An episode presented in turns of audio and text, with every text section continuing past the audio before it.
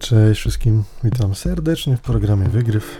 Dzisiaj odcinek, który śnił mi się po nocach przez długi czas i wreszcie cieszę się, że mogę go e, Wam opowiedzieć, że możemy się za niego zabrać, bo będzie to nic innego jak finał wielkiej historii pierwszej części Honkai Impact 3, gdzie przyjrzymy się e, ostatecznej walce z Kevinem oraz pojawieniu się wreszcie wyczekiwanej przez wszystkich Hersher of Finality.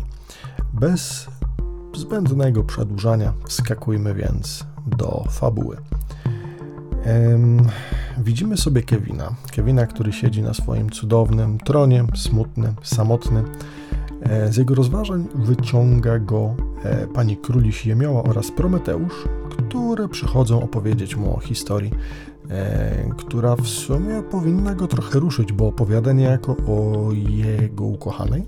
Co prawda nie tej z właściwego świata, ponieważ May z tego realnego świata odeszła, natomiast e, z tej z bąbelka.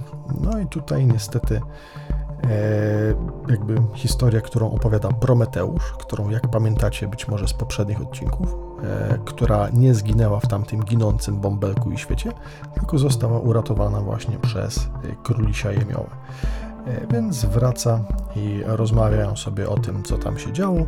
Natomiast Kevin e, niespecjalnie wydaje się być poruszony. No w ogóle chłopiec raczej taki, no wiecie, jego ekspresja jest dość mocno ograniczona po 50 tysiącach lat e, dźwigania brzemienia projektu Stigma, co ostatecznie Prometeusz jakby, no nie widząc jego reakcji, policzkuje typa, e, najsilniejszą osobę obecnie gdzieś na, na tym świecie, bo stwierdza, że no, warto byłoby chociaż łzę uronić nad losem jego ukochanej, tak? Ale no, myślę, że po prostu Prometeusz nie docenia tego, co tam się dzieje pod kopułką Kevina, który być może ma maskę, albo już po prostu jego mięśnie twarzy przestały działać. E, natomiast myślę, że wewnątrz mimo wszystko jakąś tam łezkę uronił. E, ciekawa się również tutaj wywiązuje krótka debata pomiędzy panią Króliś i Kevinem. Mianowicie Kevin, e, jak Her dostrzega, pragnie śmierci. Tak? Tak samo dokładnie jak ona kiedyś. I być może widzi to w jego wzroku, być może po jego rezygnacji, ale myślę, że mm, ciężko tutaj odmówić pani Króliś racji. Faktycznie Kevin nie wygląda na specjalnie nie wiem, e, zadowolonego ze zwycięstwa, które prawdopodobnie uzyska, które no, póki co nie widać, aby miało być zagrożone z jego strony. E, no i w sumie załóżmy, że Kevin by wygrał, tak, że Kevin tutaj, nie wiem, że Walkirie nie wygrają z nim, że projekt Stigma się faktycznie ułoży. Jeżeli tak, Kevin będzie musiał żyć wiecznie, nadal, cały czas, po to tylko, aby utrzymywać energię Honkai wewnątrz siebie, energię finality, tak, która e, no nie wybuchnie w jakiś sposób, znowu nie resetując świata do początku, jak to działało w cyklach samsary, e, kiedy to Honkai próbował nas przytulić. E, takim gwizdkiem czy takim korkiem, który nie pozwoli do tego, aby to się znowu wylało gdzieś tam na ludzkość, będzie właśnie Kevin. No, jak się możecie domyśleć, taka przyszłość nie jest specjalnie dla niego raczej świetlana, ale jak już mówiliśmy, to brzemię prawdopodobnie przez 50 tysięcy lat osiadło dobrze w jego główce. Co niespecjalnie pomaga, to to, że utrzymywanie energii właśnie w swoim ciele sprawia, że jego komórki są niszczone, jego ciało jest dewastowane przez tą energię, ale jednocześnie e, w tej samej chwili, kiedy jest niszczone, jest odradzane, ponieważ Kevin, mając w sobie moc wielu bestii Honkai, E, i ich geny, co jest zasługą projektu Chimera. Mm, prawdopodobnie ma też tam jakieś geny Garudy, czyli bestii Honkai o potężnej mocy regeneracji. E, no po prostu rodzi się, więc zginie i rodzi się w tym samym momencie. Trochę jak taki Prometeusz, tylko że zamiast wątroba, która mu odrastać przez noc, e, kiedy to sęp szarpie go przykutego gdzieś tam do góry atlasu, no tutaj po prostu ginie i rodzi się co sekundę, nie? mniej więcej, tak dość pokazowo. E, więc być może jego wyraz twarzy chwilowy jest spowodowany tym, że próbuje wytrzymać ból, który wszystko mu to zadaje. E, niemniej jednak, no właśnie, ta energia Honkai, która w jego ciele właśnie robi te dziwne, śmieszne rzeczy, pamiętajmy, że u chłopaków jest to dużo gorsze. Dlaczego właśnie walkirie są kobietami? Jak to wyjaśnia nam ładny świat Honkai? Kobiety mają dużo większą odporność na tą energię, stąd w większości osoby, które walczą jako walkirie, są właśnie kobietami. Były jakieś nieliczne e, przypadki faktycznie rycerzy, takich jak na przykład Zygfryd Kaslana, albo sam Kevin, ale jest wyraźnie powiedziane, że odporność mężczyzn jest dużo niższa. I też wydaje mi się, że być może to wyjaśni fakt, którego wcześniej nie rozumiałem. Jeżeli pamiętacie koniec y, filmu z Kolosten, Dus Das Spoke Apocalypse, tam jest scenka, kiedy Otto spadając na Kolosten rozpada się. Tak?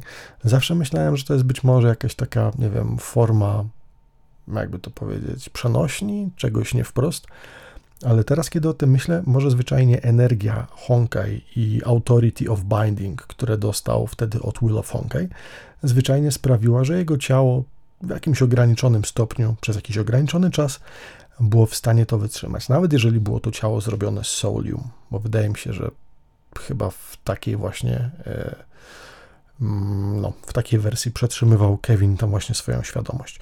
No niemniej jednak rozsypał się tutaj na szczęście, e, znaczy Otto się rozsypał, a Kevin ma troszkę więcej forów, głównie dzięki zasługom e, dr Mobius i innych, którzy na nim eksperymentowali. E, więc tak, Kevin generalnie pragnie śmierci i czy uda mu się to spełnić jego marzonką? No to dowiemy się już za jakąś godzinkę z hakiem, bo pewnie tyle zajmie mi dotarcie do tego momentu. Po tym, jak już y, króli się wypowiedziała, po tym, jak już Prometeusz spoliczkowała szefa Jormungand, e, odchodzą i pojawia się na chwileczkę Raven, aby tylko opowiedzieć, że dzieci w sumie, które gdzieś tam były, e, jakby ona ma zamiar dalej gdzieś tam pilnować w, na, w Atrze i w sumie jakby nie jest już członkiem Węża Świata, bo szary wąż ją wyrzucił, znaczy szary różowy wąż, jak pamiętacie z ostatniego odcinka, ale jakby przychodzi tylko powiedzieć szefowi swojemu, nie wiem, być może z poczucia obowiązku, że był to jej świadomy wybór i po prostu, no nie wiem, pewnie liczy na jakąś reprymendę albo karę, albo nie wiem, no myślę, że chciała po prostu wyczyścić jakby, nie wiem, między nimi atmosferę. E, Kevin jakoś wybitnie okazuje się być um, stoikiem i niespecjalnie reaguje, stwierdza, tak, spoko, znaczy ja ci nie będę przeszkadzał, jakby ja tu mam swoją robotę, zgodziliśmy się wcześniej na to, pilnuj tam dzieciaków na grzędzie czy w, w Nowej Atrze e, i na razie. I Kevinka na chwilę zostawimy, a przejdziemy się do naszych nowych i starych ulubionych walkirii, a mianowicie do Alwitr, Suzany, Rity oraz Sushang, które znajdują się, lecą tam sobie stateczkiem, chyba no jakoś docierają w każdym razie do, e, na, na górę Taixuan. Co ciekawe, ludzi nadal tutaj nie ma za dużo, bo tak jak mówiliśmy, no, wciąż jeszcze część świata nie jest przywrócona.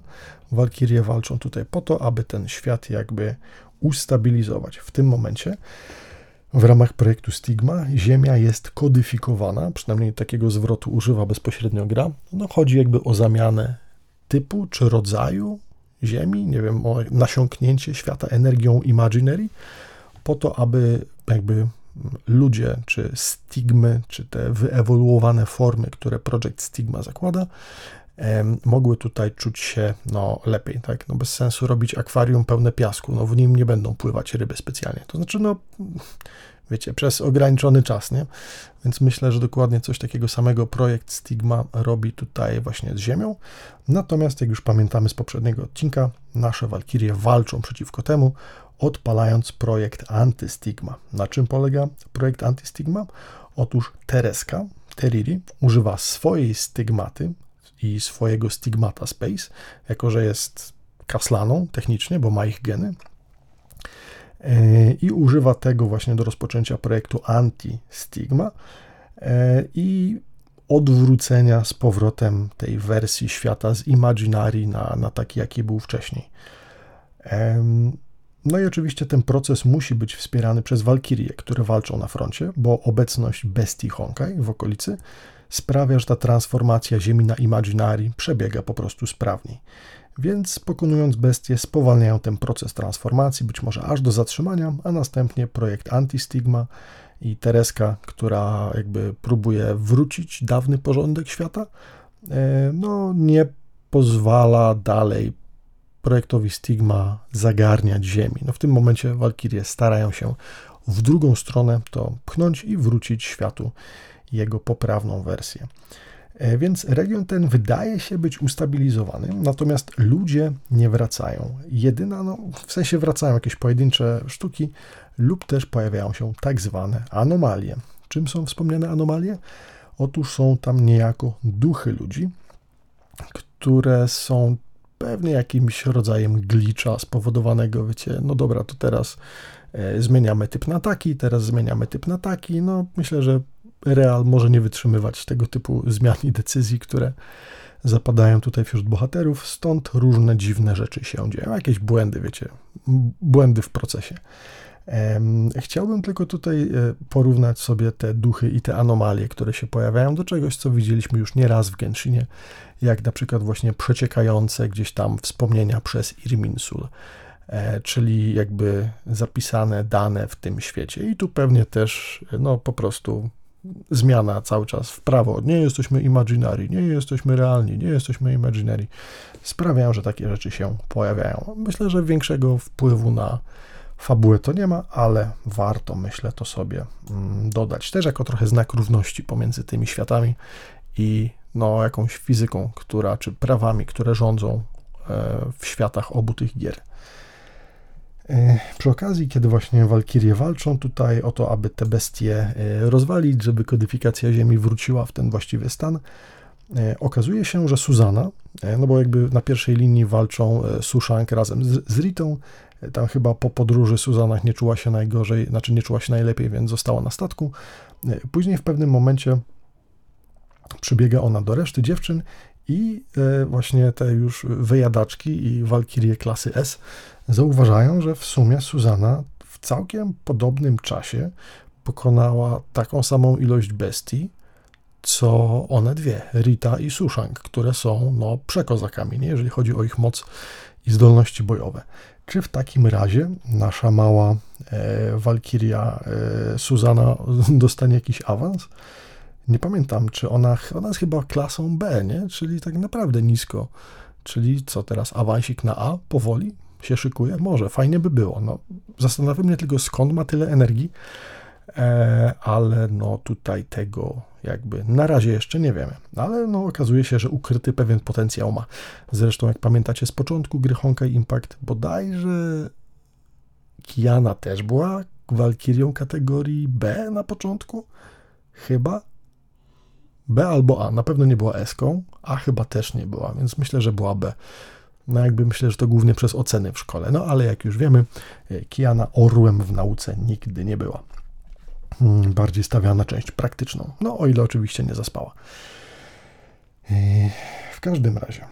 Hmm, e, Li Sushang odnajduje także tutaj na górze TX1 Senti, Hersher of Sentience, która będzie im potrzebna całkiem niedługo do odpalenia dosyć hardkorowego planu, w którym wykorzystają dużą ilość Valkyrii, tylko po to, aby móc wreszcie zlokalizować Cocoon of Finality. I o tym sobie dokładniej pogadamy za chwilkę. E, w każdym razie, e, jak się domyślacie, Senti jest dosyć mocno łasa na e, pochlebstwa i lubi, kiedy słyszy, że no jakby tylko ty nam możesz pomóc. Myślę, że trochę bardziej z grzeczności niż ze jakby świadomości, jak działa tutaj nasza towarzyszka. E, Li Sushang podchodzi ją z idealnej strony, e, no i ostatecznie mm, jakby Shiki nie ma specjalnie jak e, odrzucić tej propozycji i już całkiem niebawem porozmawiamy sobie o tym, jak jej pomoc miałaby wyglądać. Tymczasem jeszcze zanim tam przeskoczymy, są dosyć długie w ogóle w tych rozdziałach jakieś takie techniczno-fizyczne rozkminy a propos tego, co w jaki sposób ma się stać.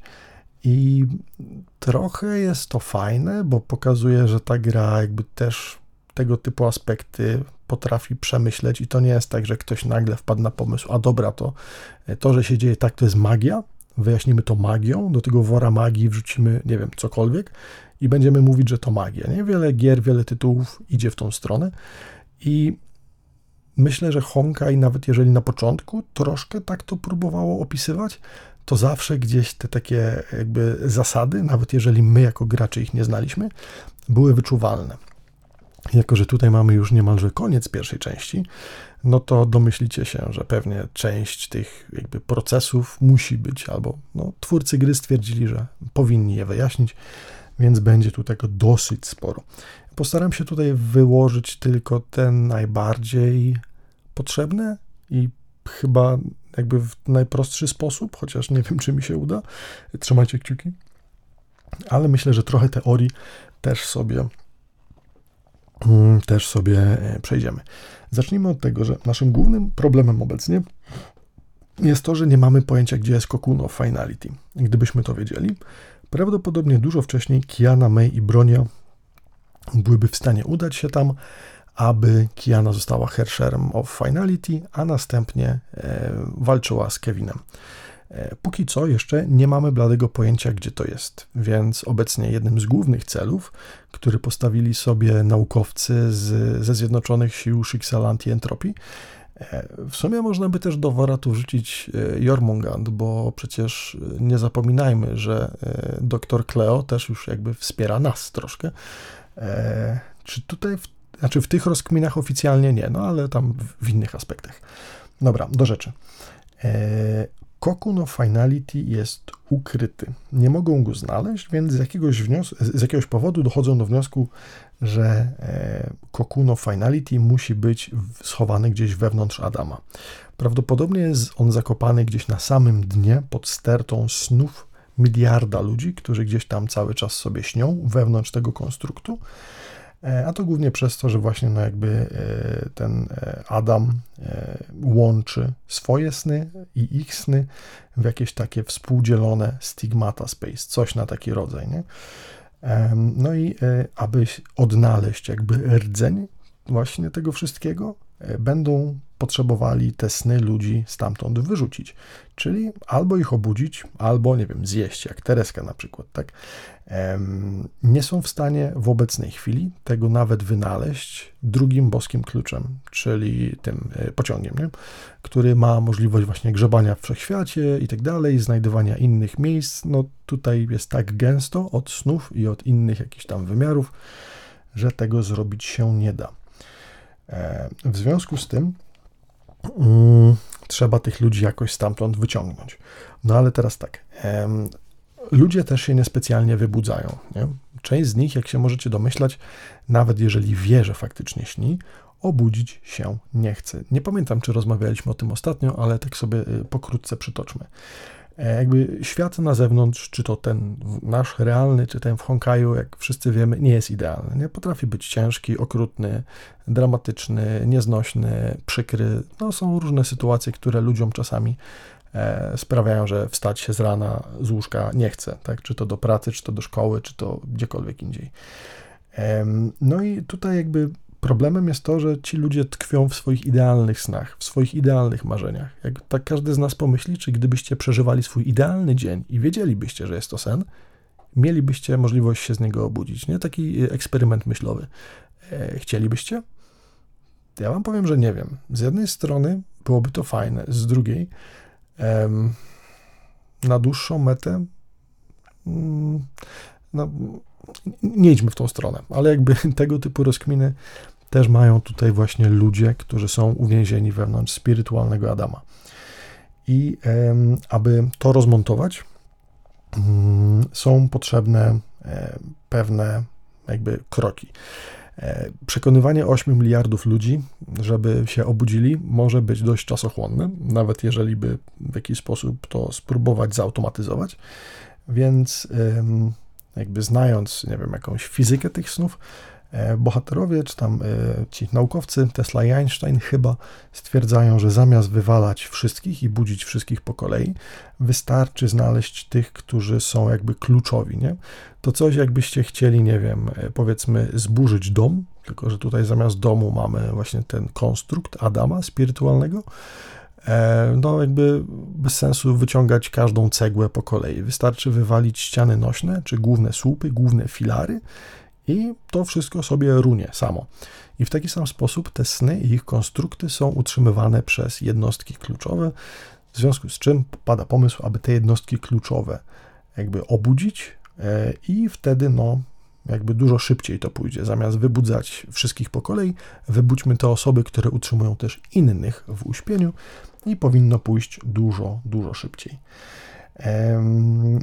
Chyba w tym momencie, w którym to sprawdzają, e, populacja wraca być może w połowie, więc dużo osób się budzi w świecie, który jest w połowie pusty. Nie? Jakby co druga osoba, którą znacie, tylko nagle istniała. Nie? Więc y, panika wśród ludzi w realu istnieje, natomiast jeszcze, y, no, to, to jest jeden problem. Drugi problem jest to, że pozostałe 4 miliardy osób, zakładając, że ich świat jest w tym momencie w takiej samej liczbie jak nasz, no to pozostałe 4 miliardy nie chcą się wybudzić, nie? więc jest to troszkę problemem. No ale przynajmniej mają ten plan, nie? żeby wybudzić tych kluczowych i wtedy powinno być, powinno być lepiej. E, który oczywiście lepiej będzie się poruszał po takich miejscach niż e, Tereska. Zgłasza się ona na ochotnika, że pójdzie tam z chęcią. Mm, w najgorszym wypadku zawsze może zeżreć te sny, nie? które nie chcą się obudzić. I wtedy i wtedy jakby no, zrobić to troszkę siłą.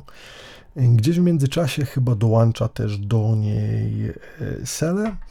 E, chyba dosłownie na chwilkę pojawia się też pani Króliś, e, którzy tam jej pomagają. E, chyba w krótkiej wymianie zdań właśnie pomiędzy nimi pada, że e, też dzieciaki z New Atra E, w jakiś sposób pomagają. E, nie wiem, czy dlatego, że właśnie też są w jakiś sposób stigmata awakened, czy po prostu mają moce, które umożliwiają coś takiego, ale wychodzi na to, że nawet dzieciaki z grzędy w tym momencie już u, e, ułatwiają światu powrót do swojego pierwotnego stanu.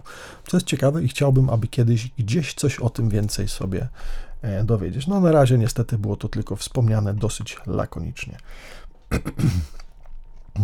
w każdym razie co sprawia, że e, jakby Tereska nie wjeżdża z buta we wszystkie sny i nie zżera tych głównych po to, żeby reszta się obudziła.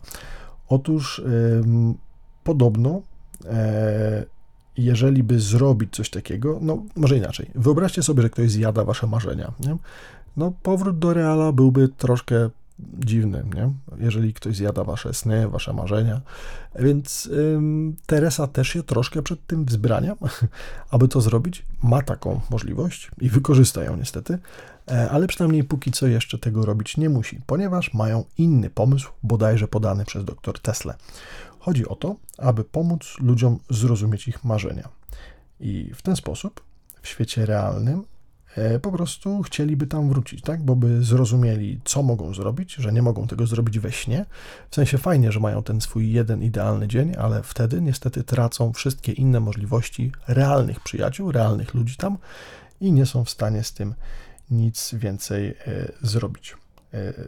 E, Tereska, jako że ponoć też dawno, dawno temu miała swój mały kryzys osobowości, teraz też czuje, że jest stworzona do tego celu E, i powinna też e, innym pomóc, tak? Bo kiedyś, kiedy ona była w dołku, akurat ją wyprowadziła i pomogła jej Cecylia, wprowadzając światełko do jej życia i wyprowadzając ją z tego kryzysu, kiedy to Tereska ani nie widziała celu, ani sensu e, w swoim życiu, tak?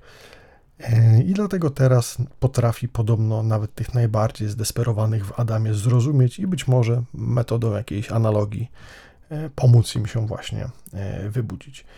E, sama też twierdzi, jakby patrząc po samej sobie, że ludzie są dużo silniejsi niż myślą i są w stanie ogarnąć przeciwności losu, tylko po prostu będąc w dołku nie są w stanie tego dostrzec. I myślę, że gra tutaj, co prawda, no, nie jest jakimś mocnym autorytetem, ale z tego co kojarzę, to obecna psychologia dokładnie coś takiego też podpowiada, że tak jakby ludzie, będąc w dołku, niespecjalnie chcą po prostu, nie dostrzegają swoich możliwości, które mają, więc jeżeli ktoś im w tym pomoże dostrzec, być może będzie im łatwiej. E, I tutaj taką samą też strategię obiera właśnie Tereska. I pewnego dnia, znaczy pewnego dnia, no dzień jest ten sam, e, w którymś momencie e, trafiają do sna starszego pana. Nie wiem, czy to ten, któremu właśnie Raven kiedyś podała telefonik. Wydaje się, że być może tak, być może jakiś inny starszy pan, e, który właśnie śni swój sen, który wie, że tak naprawdę nie jest w świecie rzeczywistym. Mhm, ale nie chce się z niego wybudzać. A to głównie dlatego, że w realu nie pożyje specjalnie za długo. Czy to w związku z jego starością, bo wiek ma bodajże podeszły, czy to w związku z chorobą, które też się w starszym wieku u niego skumulowały. No tutaj się czuje jak w raju. Może biegać po plaży, wiecie, biegać za ptakami, chlapać się wodą i tak dalej. Chociaż pewnie tego nie robi, ale może. Nie, no, nie jest przykuty do łóżka, nie jest na wózku, więc jest to y, piękny jego sen. I jak się okazuje, w tym samym jego śnie e, z jakiegoś powodu również jest też Rosalia i Lilia, które, jak już wcześniej pamiętamy, e, też zostały e, uświadomione, że śnią przez właśnie Lambdę. Mm.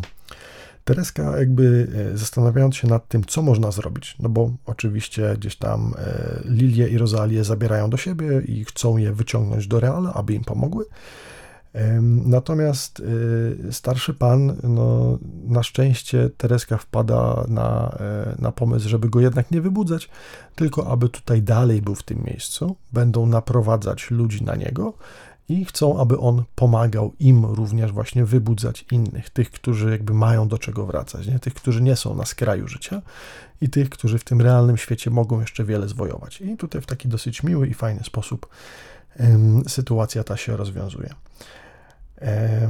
No i powoli wydaje się, że spirytualny Adam ma się rozpadać i coraz więcej ludzi faktycznie zaczyna wracać do Reala, ale z drugiej strony okazuje się, że wcale nie powstrzymuje to, e, no jakby ten, ten konstrukt snów się nie rozsypuje, pomimo tego, że ludzie zaczynają z niego wychodzić. E, problemem jest to, że Kevin, a raczej bezpośrednio manifestacja jego mocy chimery, to też jest takie troszkę, dobra, e, to trzeba wyjaśnić, bo to będzie pokręcone i też długie godziny spędziłem nad tym, żeby skumać o co tu chodzi.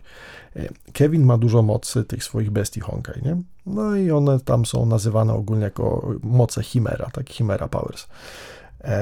Manifestacją tych jego sił, Chimery, jest jego cień, Kevin's Shadow. I w grze widzimy to po prostu jako cień, więc fizycznie, jak ktoś mówił o cieniu, nigdy nie miałem pojęcia o co dokładnie chodzi, ale no być może jest to też jakaś przenośnia. Niemniej jednak ten cień, który widzimy, ponoć nie jest zwykłym cieniem, tylko jest tym takim cieniem manifestacji tej mocy Chimera. I moc ta sprawia, za pomocą właśnie e, tej mocy, Kevin jest w stanie utrzymywać Adama dalej przy życiu. Pomimo tego, że ludzie uciekają z tego całego konstruktu, e, miejsca, które jakby zostały puste po ludziach, mm, są, e, są zapychane bestiami Honkai. Gdzieś tam też jest to powiedziane i teraz to będę mówił z głowy, bo tego w notatkach nie mam, więc jak coś kręcę, to przepraszam, ale wydaje mi się, że pada gdzieś tam w grze, że bestie Honkai myślą z nami, czy coś takiego. Więc nie wiem, czy stworzono to tylko po to, aby pasowało tu to do układanki, ale technicznie jakby no tak, miałoby to ręce i nogi, że brakujące miejsca, które ludzie, z których ludzie wypadają, bo się wybudzają, Kevin nagle za pomocą tego swojego cienia, e, czy tam mocy i chimery, po prostu zapycha bestiami Honkai, tak. No i y, wszystko byłoby spoko, Aha, właśnie, bo to jest chyba z jednej strony y, Kevin Shadow, a z drugiej strony jest to trochę e, efekt mocy finality, tak? E, no i no niemniej jednak, zamiast ludzi w, w tym, w, w spirytualnym Adamie nagle się zaczyna tam roić od bestii. A jak się domyślacie, e, no bestii Honka już raczej nie przekonamy do tego, żeby się wybudziły i realizowały swoje marzenia we świecie, chociaż z drugiej strony chciałbym to zobaczyć, nie? jak przychodzi na przykład Tereska do jakiegoś tego do jakiejś bestii i na przykład do, nie wiem, do kogo? No do jakiejkolwiek. Nie, wiesz co, ten, ty możesz być świetnym kucharzem albo możesz świetnie biegać po pustyni na przykład, nie? Do jakiejś tam innej bestii. No, myślę, że jest to materiał na jakiś ten y, off-topowy fragment historii z, z tego, z Captain Verso na przykład, nie? No, niemniej jednak. E, kiedy nasi mm, naukowcy orientują się, że wybudzanie coraz to większej liczby ludzi nie przynosi efektów, mają inny pomysł. W jaki sposób Rita domyśla się, że Kevin Shadow łata te wszystkie dziury e, i w ten sposób trzeba będzie się go pozbyć. Po to właśnie między innymi wcześniej Sushang próbowała zwerbować do nas Senti, która nam się przyda. E, ale zanim jeszcze do tego dojdziemy, e, krótka, e, krótki powrót do Kevina. Kevin też gdzieś idzie sobie do wewnątrz spirytualnego Adama, trochę popatrzeć, co się dzieje, być może trochę użyć swojego cienia do łatania dziur, które to walkirie tworzą, wybudzając ludzi. I tak wraca też do swoich wspomnień, obserwując jakieś tam swoje przeszłe rozkminy, które sięgają jakiejś tam antycznej Grecji czy Rzymu kiedy to y, słucha jakiegoś filozofa i wdaje się z nim w rozmowę na temat ptaków. I to, to znowu wracamy do pytania, które Kevin często w kontekście projektu Stigma zadaje, mianowicie dlaczego ptaki latają, tak? Więc według Kevina, bo muszą, żeby nie zginąć, tak? I dlatego według niego obecnie ptaki w ogóle latają, bo po prostu były w stanie uciec, kiedy to kometa czy inne e, jakieś e, kataklizmy niszczyły świat dinozaurów gdzieś tam e, miliony lat temu. E, natomiast e, filozof, e, który gdzieś tam, którego dostrzegał i słuchał przez całe jego życie, wpada na pomysł, że po prostu celem ptaków jest to, aby spaść. Tak jak na przykład Ikar, tak? I jest to w jakiś sposób też sukces, tak? Bo docier... I jest to pokręcone, ale mówię, ja nie jestem filozofem, może ktoś to lepiej zrozumie. W każdym razie, też tylko jako smaczek dodam, że według tego filozofa jakby to, co zrobił Ikar, też było spoko, bo dotarł do miejsca, gdzie nigdy nikogo nie było, a to, że w, jako w efekcie umarł, no to był tylko skutek e, jakiś tam uboczny. Nie? Dla mnie to jest strasznie pokręcone, więc nie kupuję tego. No ale wiecie, nie wiem, czy to jest jakaś aluzja do Kevina, że chciałaby inni go prześcignęli i wyznaczył jakiś punkt. No bo Kevin w pewnym sensie jest takim ikarem, nie? który leci blisko Słońca i ostatecznie spadnie. Jak się możecie domyśleć, e, finał tej historii jest raczej pozytywny. Mhm. Podczas podróży gdzieś po tych swoich snach trafia też na Durandal.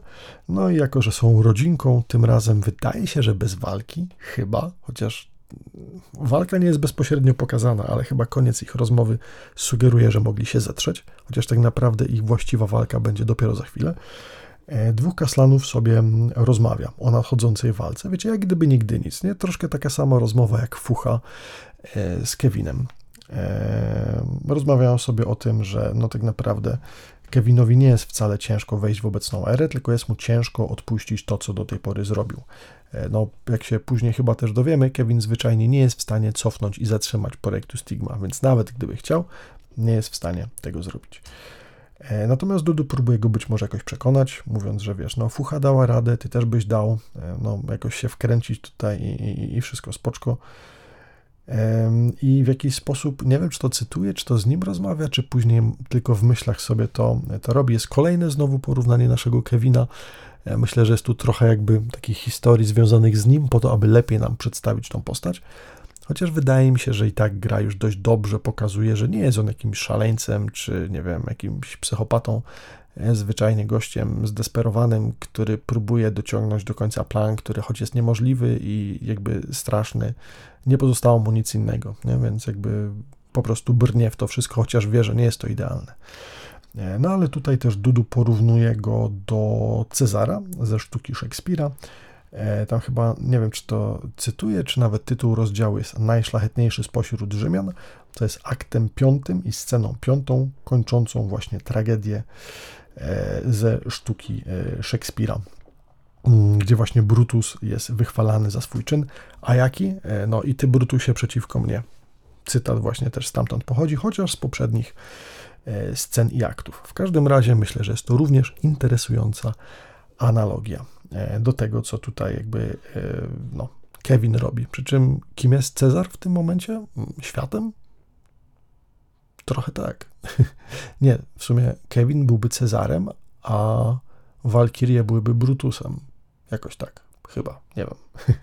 Co o tym myślicie? No właśnie, później walczą albo nie walczą, a następnie Kevin przechodzi sobie do wspomnień, które e, wyglądają troszkę jak Elysian Realm i główny jego hall.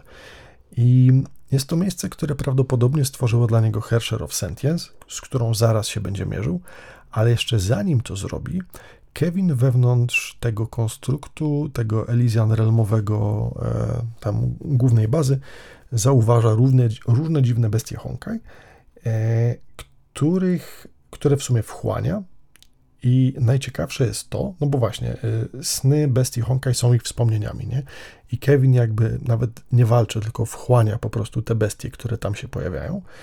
I w tych wspomnieniach Kevin będzie widział niektóre planety, które Honkai wcześniej odwiedziło. Dlaczego o tym w ogóle mówię, dlaczego tego nie skipuję?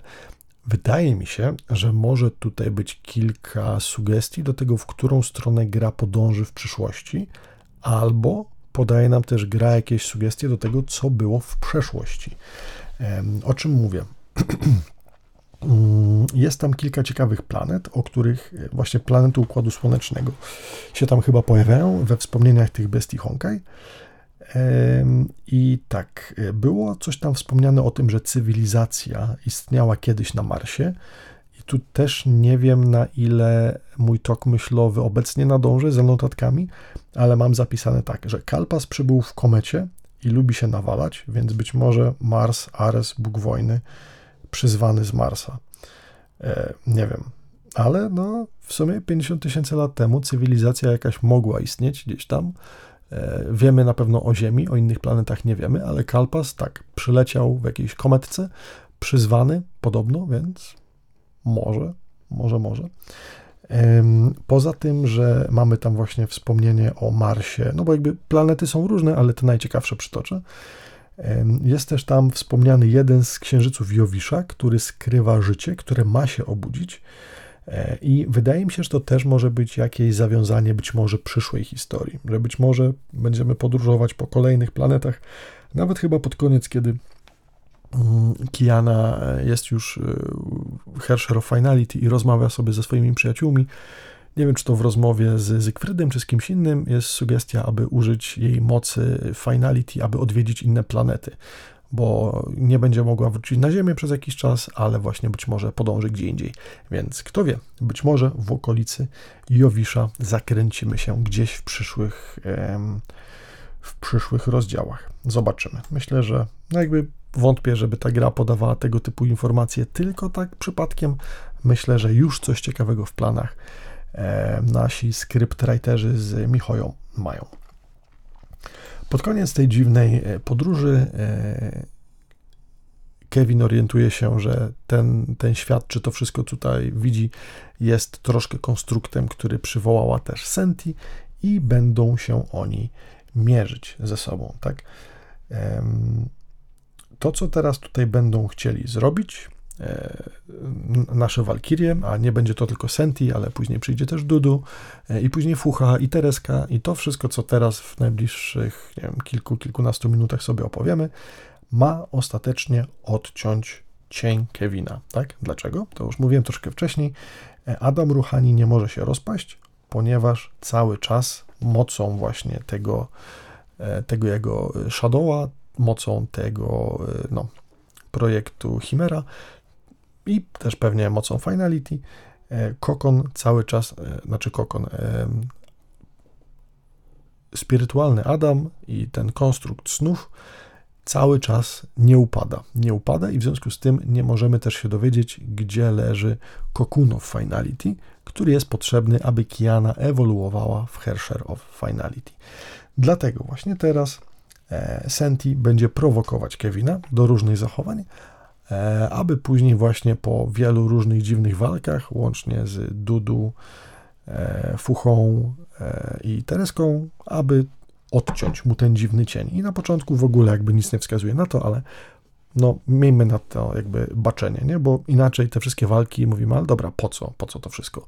No jakby był to cel, na który wcześniej, jak już mówiliśmy sobie, spadła chyba Rita. E, tak. Hmm. Więc y, walczą sobie oczywiście Kevin i Senti, a jakże. E, I kiedy już Kevin myśli, że wygrał, nagle się okazuje, że jednak tak łatwo z Senti wygrać nie można, zwłaszcza jeżeli znajdują się w konstrukcie zbudowanym ze snów i świadomości. No bo jakby czymś takim właśnie jest Spiritual Adam, wewnątrz którego oboje się teraz znajdują. Tak jest to konstrukt, który używa właśnie mocy, energii snów E, no i dokładnie czymś takim żywi się Hersher świadomości, czyli Hersher of Sentience. E, więc no, ma jakby potężne zasoby do, do walki. Nie? Mm. Przy okazji chyba tam też jest wspomniane, że musi zmerdżować, czy jakby połączyć część swojej świadomości z ludźmi, ale Senti kompletnie się tym nie przejmuje i nie wiem, czy tą jej ewolucję później zaobserwujemy w związku z tym, ale chyba gdzieś jest wspomniane, że aby użyć tej energii, Senti musi też część z tych nie wiem, wspomnień jakby wciągnąć do siebie. Nie wiem, czy na zasadzie zjedzenia ich, czy na podstawie czegoś takiego, co robiła wcześniej Bronia, E, tak jak kiedy tych 300 z tego, te 300 świadomości, 300 tysięcy świadomości z rdzenia Hersher of Reason również jakoś wciągnęła. Myślę, że coś podobnego Senti tutaj mogło odstawić. No ale mimo wszystko e, Kevin e, nie jest aż taki, aż taki miętki i Senti opada z sił. Wtedy jakby Lejce w całej walce przejmuje Durandal, E, i tam też sobie walczą, e, aż do momentu, w którym wkracza na scenę Fucha. Fucha, która jest przedostatnim tutaj graczem. Fucha wydaje się być jedyną osobą, która ma szansę w walce z Kevinem, a to głównie dlatego, że na niej również dr Mobius eksperymentowała dość e, no, bez, bez jakichś tam ograniczeń. I widzimy po raz pierwszy Fuchę w jej chyba jednej z ostatecznych form czy wersji, podczas do których aktywuje w pełni swoje geny Honkai. Coś takiego nazywa się Active Honkai Reaction, e, w skrócie AHR. I możecie o tym pomyśleć trochę jak o. No, Kevin ma tą swoją wersję Diabolical, gdzie ma e, skrzydełko, różki i inne cuda. No to tutaj mamy fuchę, która też jest jakaś taka, troszkę zmienia kolor, taka czerwono-biała, tam włoski jej się mylą, też ona wygląda jakby troszkę płonęła, a nieco skrzydełek ma, no taka całkiem, całkiem ciekawa forma. E, więc jest to taki szczytowy punkt połączenia człowieka i potwora Honkai. E, Fucha przejmuje wtedy mieczyk od Durandal. Wydaje mi się, że po prostu e, Durandal oddaje jej miecz Durandal, tak? czyli ten, który no, jest też artefaktem o potężnej mocy i używając tego właśnie Fucha, tego miecza od Durandal, miecza Durandal od Durandal, Fucha odcina ten cały ogonek, ten cały cień Kevina, e, który jest manifestacją mocy Chimera. Tak? Co ciekawe, tutaj można jeszcze dodać, e, Kevin i Fucha kiedyś walczyli w podobnym stanie. No, wydaje mi się, że w Elysian Realmie było kiedyś wspomniane, że jedno z laboratoriów przez jakiś tam eksperyment zostało zniszczone i zrównane z ziemią, więc tu dowiadujemy się, że było to w momencie, kiedy Fucha po raz pierwszy wpadła właśnie w berserk, przełączając się na Active Honkai Reaction. E, dlaczego? E, ponoć e, efekt sfary, czyli tej takiej mantry, takiej, nie wiem, zakodowania podświadomości, zakładał, że fucha w tym stanie w jakiś sposób to wzmacnia, to jej przemożoną chęć do eliminacji Honkai do tego stopnia, że walczyła z każdą osobą, która przejawiała minimalne nawet e, podobieństwo, e, czy to w których można, mogła wyczuć geny. No, Honkai. No a oczywiście wszystkich 13 łowców płomienia, wszyscy z MOW, jak i ona sama również tego typu geny mieli, więc w związku z czym Fucha wpadła w berserk, eliminowała niemalże wszystkich w okolicy. Prawdopodobnie skończyłoby się, gdyby nie została zatrzymana, prawdopodobnie skończyłoby się to na tym, że sama zakończyłaby swoje żyćko, ale wtedy e, w jakimś sensie e, Kevin właśnie wchodząc w tą swoją wersję Diabolical, ukrócił jej, e, jej sytuację. Więc zdaję sobie sprawę z tego, że w tym momencie, e, no jakby robiąc to, Fucha poświęca się niesamowicie.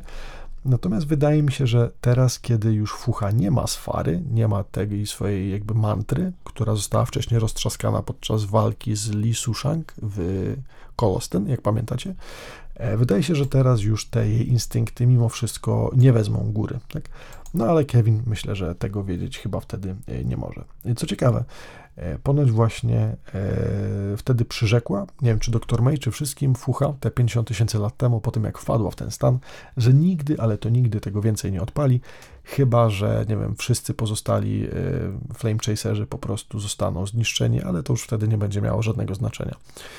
No ale jak widzimy, po 50 tysiącach lat ostatecznie Fucha musi odpalić swoje ulti po to, aby ukrócić knowania Kevina, odciąć jego cień. Po co? Po to, aby mógł rozpaść się konstrukt Adama spirytualnego, aby wreszcie odsłonić i umożliwić odnalezienie miejsca Cocoon of Finality. Hmm. Tereska, Tereska. No właśnie, pojawia się też Tereska, e, która też chyba odpala jakąś tam swoją, też zdymuje swoje e, ograniczenia i używa większej energii i mocy niż wcześniej. Czekajcie, bo nie pamiętam dlaczego ona to zrobiła. Coś tu mam zapisane, ale teraz tak z głowy nie chcę tego wam czytać, jakby nie, to jakby nie o to chodzi, żebym sobie czytał z kartki. Ale dobra, polećmy chwilę, może złapię flow. Dobra, Tereska dostaje pochodnie. Aha, dobra, czyli to, co odcięła Fucha, e, to, co odcięła, e, tak, Fucha w swojej wersji AHR, e, trafia do łapek Tereski. Wygląda to, no, to też jest ciekawe, odcięty cień wygląda jak płomień, nie? No, nie wiem, nie wnikam jakby w, w to, co stało za myślą pokazania tego w ten sposób, ale e, zostaje odcięty ten cień, który trafia do rączek Tereski później jako płomień, który próbuje ona okiełznać. Wygląda to tak, że prawdopodobnie jakaś niewyobrażalna moc nagle pojawia się w jej łapach, być może e, nie wiem, paląc ją od środka, sprawiając jej niewyobrażalny ból, co dość mocno nam gra sugeruje głosem i tym, co tam jesteśmy w stanie poczytać. No i Tereska nie byłaby w stanie pokonać czy kontrolować tej mocy,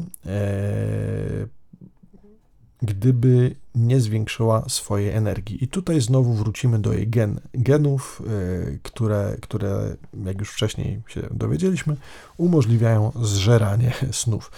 No i jakby Tereska oczywiście tak jak wcześniej, nie chcieli niszczyć ani snów, ani zjadać agregatów tych snów, tylko tam, wiecie, wszystkich delikatnie wybudzać.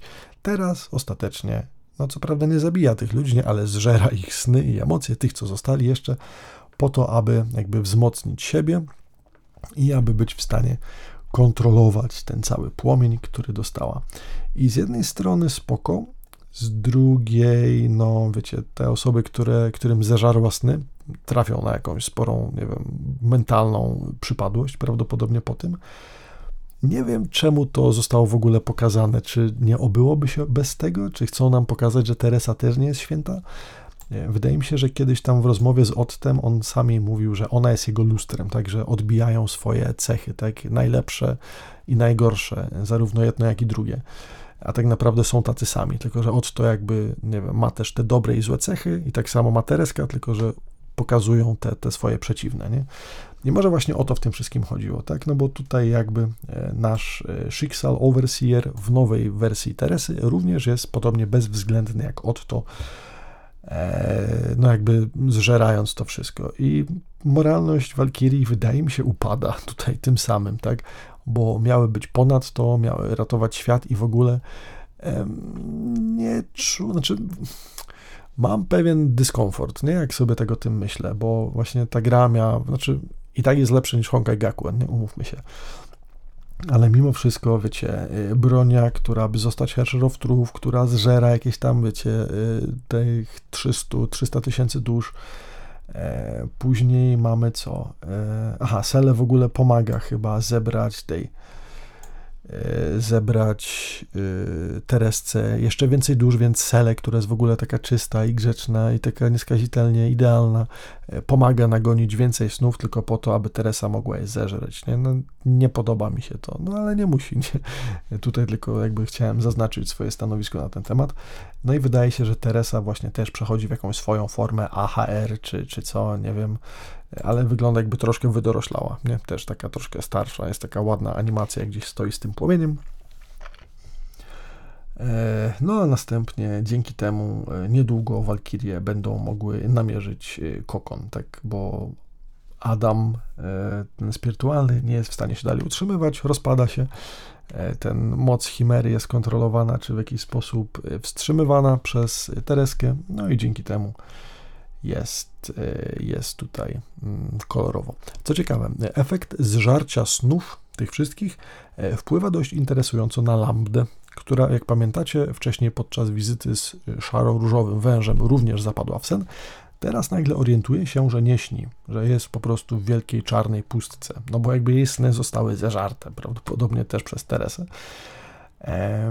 I e, przez chwilkę widzi przyszłość. Widzi coś, co wygląda jak dorosła forma Sele z wielką kosą, widziana gdzieś tam przez jakiś taki, przez mgiełkę, która wydaje mi się jest takim sneak peekiem trochę jak na przyszłość tego, co zobaczymy e, gdzieś tam w historii niebawem, czy to w rozdziale 36, e, czy być może później. Mm, no ale ten sens się później znika, tak? No bo właśnie jakby, nie wiem, Tereska też to zażarła. E, ostatecznie w dosyć ciekawej i śmiesznej scence, kiedy to e, nasza lambda e, nie jest w stanie, znaczy wiecie, ta zielona, nie? Ta, ta duża taka, co nam pomagała, ta czasokrysztaliczna postać, pomagamy ją wyprowadzić z tego miejsca, w którym jest. No bo jakby śniła, nagle budzi się w miejscu, które już tych snów jest pozbawione. I my, jako gracz, prowadzimy ją, zapalając światła, podpowiadając, czy ma iść w prawo, czy ma iść w lewo, aż doprowadzamy ją do wyjścia z tego wszystkiego. E, ona w międzyczasie być może podświadomie orientuje się, że jakaś istota poza wymiarem, czyli my, człowiek, gracz, konkretnie ty, tak, który grasz w tą grę, jakby łamiąc czwartą ścianę, lambda zwraca się do nas, bezpośrednio do gracza, tak. I trochę nie jestem przekonany też do tego zwrotu akcji, e, ale rozumiem, że gra nas przygotowuje na finał, gdzie tego typu element będzie jakby potrzebny do jakby tego, co się tam stanie. Nie więc gra jakby buduje napięcie przed tym, co się dopiero później ma zadziać. E, no, ale tak.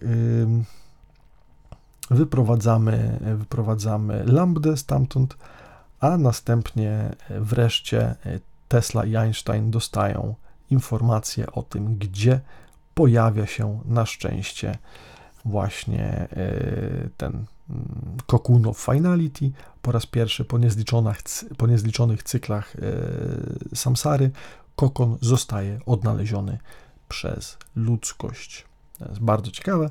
E, a Tereska, jakbyście się e, zastanawiali, ma się ponoć dobrze i stabilnie. Lambda, wychodząc właśnie z tego, z tego miejsca już bez snów, odnajduje ją leżącą gdzieś tam, nie wiem, przytomną, nieprzytomną, ale ten cały płomień w jej rączkach spokojnie cały czas się trzyma. I wróćmy sobie teraz po długiej przerwie wreszcie do naszych głównych bohaterek i zacznijmy sobie od May, która po transformacji w Hersher of Origin wreszcie wraca do koleżanek przez dworzec Mainnetu, e, tamten, z którego później odjedzie Kiana, e, no ale jakby nie ma tam drzwi, więc żeby przedostać się do swojego ulubionego miejsca, wykorzystuje styl Kalpasa, czyli po prostu, nie wiem, wywala dziurę w wymiarze i przechodzi tam, gdzie chciała przejść. Odnajduje oczywiście swoje koleżanki, cieszą się chwilę e, swoim tym, e, swoją obecnością, mm, jakby cieszą się jej nową formą, no bo też pierwszy raz ją widzą w czymś takim. E, May wyjaśnia, że jest teraz i tak naprawdę Hersher of Thunder i Hersher of Origin jednocześnie. To jest dość ciekawe. Nie? No i kiedy już tak ochłonęły, razem po tym, że są wreszcie razem, dostają informację od Senti, że już wiedzą, gdzie jest kokon i że mogą się tam udać. I e, kiedy pada pytanie, kto tam idzie, dziewczyny odpowiadają, że pójdą razem, bo jakby nie chcą się zostawiać. Co prawda, jeżeli będzie wybór musiał paść tylko na jedną, no to zostanie to Kiana, ale one zawsze były razem i chcą to zrobić razem, więc jeżeli nic ich nie rozdzieli, to zrobią to razem. I żeby móc to zrobić, e, w jakiś sposób muszą się synchronizować. W jakiś ponoć sposób, podobnie jak podczas walki z Hersherem dominacji, jakoś swoje myśli gdzieś tam zjednać, bo wtedy im pójdzie lepiej i być może razem będą w stanie tą moc e, Finality okiełznać. Więc mamy krótkie scenki, podczas to której Kiana, e, używając mieczora Mei, stara się jakby z nią zsynchronizować. Udaje jej się, przez co poznaje też błyskawicznie historię jej oraz 13 łowców płomienia, tą, którą May przeżywała w Elysian Realm. E, coś na zasadzie, nie wiem, synchronizacji myśli, uczuć i pamięci, tak? Coś, coś takiego. Hmm. Chyba podczas tej synchronizacji też właśnie Kijanka pojawia się w tym takim śmiesznym, e, dziwnym miejscu, e, tam gdzie May przeistoczyła się w Hersher of Origin. Wiecie, takie e, krążące gwiazdy wszędzie dookoła, zataczające kręgi, woda pod nogami. No, myślę, że to, to jest też miejsce, w które ona później wróci, jak będzie się transformować. Nie? No, ale już tutaj w jakimś sensie, czy to przez wspomnienia, czy inaczej, widzi to wszystko. E, później też e, synchronizuje się razem z bronią, synchronizuje się razem z Senti. E, no i później będą musiały stanąć na wprost tego, kto zostanie Hersherem, czy kto zostanie wybrany przez kokon, czy kogo będą chcieli zrobić sztucznym Hersherem, ale to też o tym za chwilkę. Po synchronizacji we czwórkę, czyli nasze trio plus Senti, przenoszą się właśnie na nasz ulubiony dworzec, e, dworzec Honkai, e, czy tam dworzec mainnetu. E, chwilkę sobie rozmawiają, ale niestety zanim doszły dziewczyny do jakichś konkretów, okazuje się, że tylko Kiana jest tam, a pozostałe dziewczyny zostały wyrzucone. Na szczęście Shiki łączy się z nami telepatycznie, i jakby dochodzą do wniosku, że to wszystko, co się tu zadziało, to dlatego, znaczy, okej, okay, zsynchronizowały się razem, poszły tam razem, żeby razem zostać Hersher of Finality, ale wszystkie poza Kianą zostały odrzucone, w związku z czym być może Kokon właśnie próbuje wybrać Kijankę. I tak samo jak wcześniej e, z dworca stać się e, Hersher of Origin poszła sobie May, teraz tak samo krąży sobie Kijanka. Co prawda, zamiast mijać e, Flame Chaserów 13 i zbierać ich sygnety, aby zostać Hersher of Finality, e, Hersher of Origin, teraz Kiana przechodzi się przez wszystkich poprzednich e, Hersherów, zbierając ich rdzenie, czy w jakiś sposób nie, mentalnie się z tym synchronizując i łącząc. zbiera sobie wszystkie właśnie te moce, na przykład idąc po dworcu, pojawiając się w różnych miejscach, spotykając właśnie miejsca, gdzie walczyły z różnymi e, Hersherami wcześniej. E, więc mamy tam Corruption, Wind, Void, Ice, Domination, Binding, aż na samym końcu znowu trafia do tego dziwnego fantazy świata, właśnie z tą wodą pod nogami i z krążącymi gwiazdami, gdzie przechodzi transformację właśnie i nie wiem, połączenie się z pozostałymi mocami. E, pojawia się też tam e, Kian, ten Mei i Bronia, które jakoś tam docierają magicznie i wspierają ją w tej transformacji. No i teraz oficjalnie Kiana też jest magiczną dziewczynką i transformuje się w Hersher of Origin, dostając nowy, ładny strój, no i oczywiście dostrajając swoje moce do Hersher, znaczy do, koko, do kokonu Finality, tak? Um, po tym wszystkim dziewczyny lądują w też jakimś takim fantazylandzie, ale troszkę mroczniejszym. E, dlaczego mroczniejszym? No po pierwsze faktycznie realnie jest ciemniejszy, więc mroczny, bo panuje tam niejaki półmrok, ale przez tą taką dziwną podłogę przebija się coś na rodzaj wielkiego oka. E, no i tak tutaj jest pokazany właśnie ten dziwny cocoon of finality, czymkolwiek on jest, tak?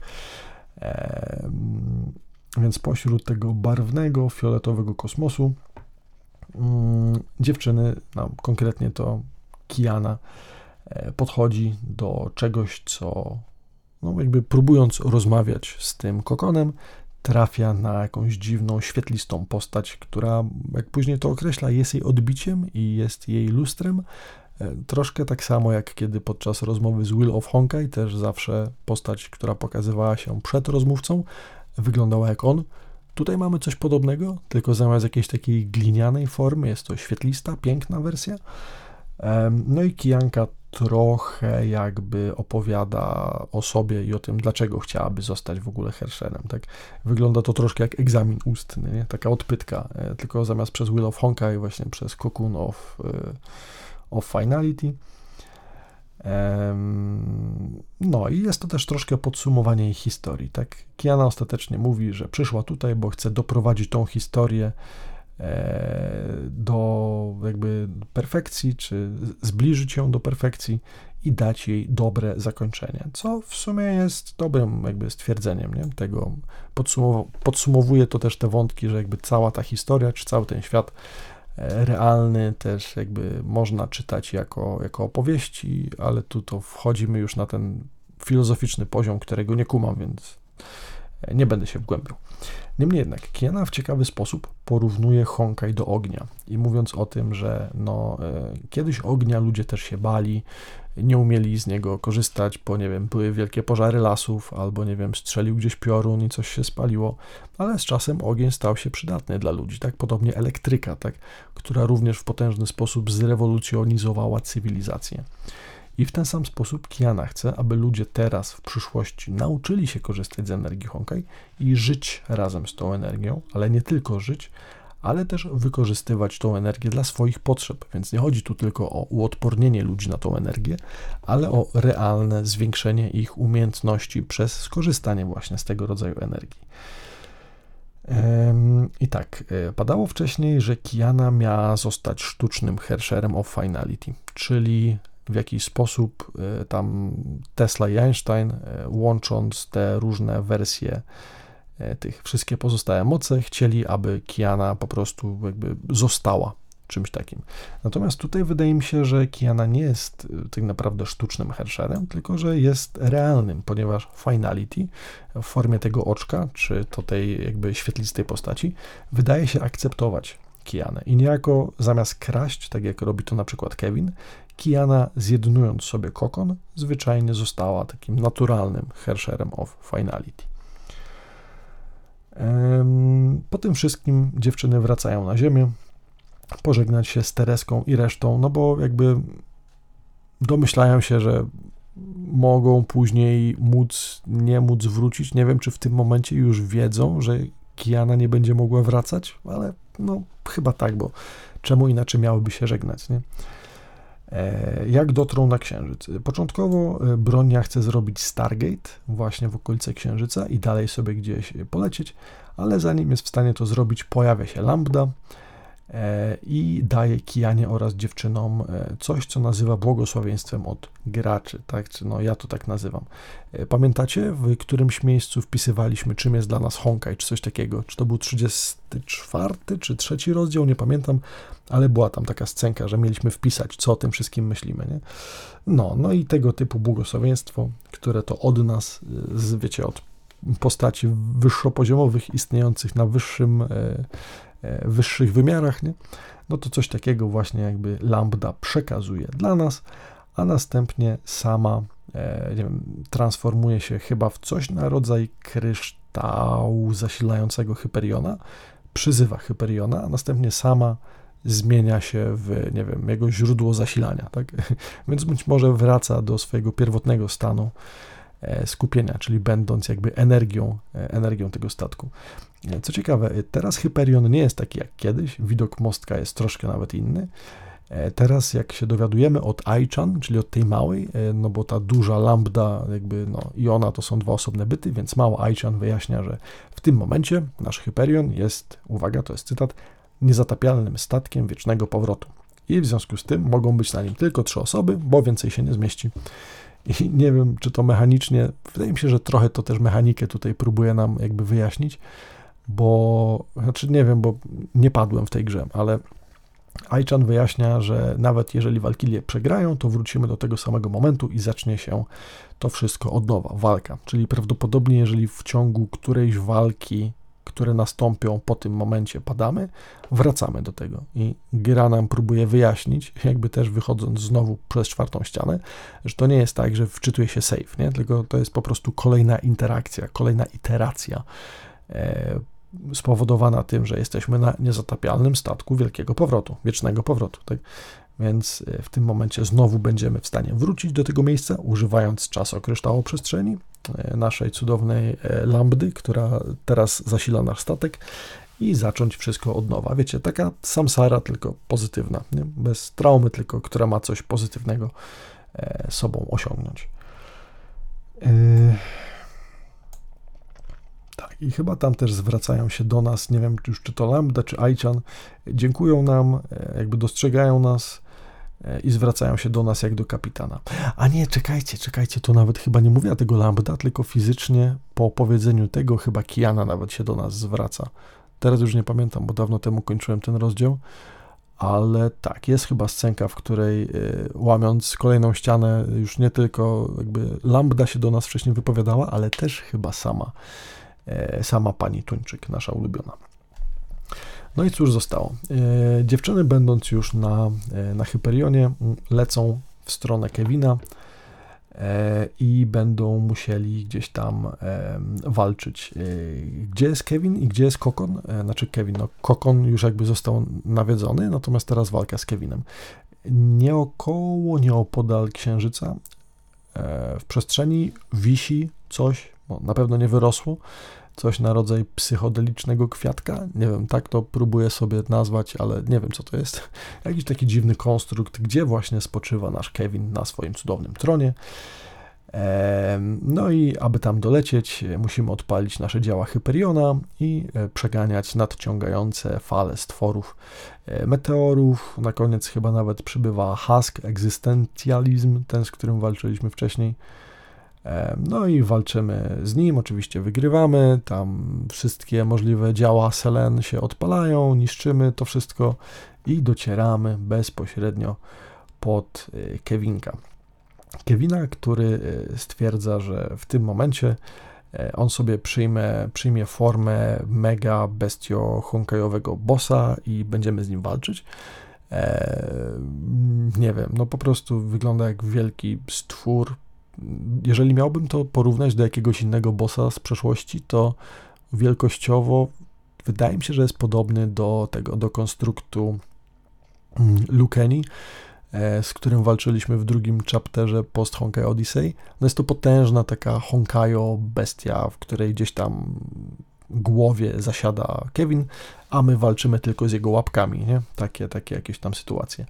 E, warto zwrócić uwagę, że jakby te kolejne ręce, ramiona czy kolejne rzeczy, z którymi walczymy, e, mają dosyć ciekawe nazwy, których raczej e, ciężko mi się domyślać ich znaczenia, poza tym, że są tam jakieś ery ziemskie, które mogą sugerować, że w tamtych latach dochodziło też do podobnych anihilacji życia na Ziemi więc walczymy z cieniem ery anihilacji, tak się nazywa chyba jeden z elementów, e, Shadow of Era Annihilation.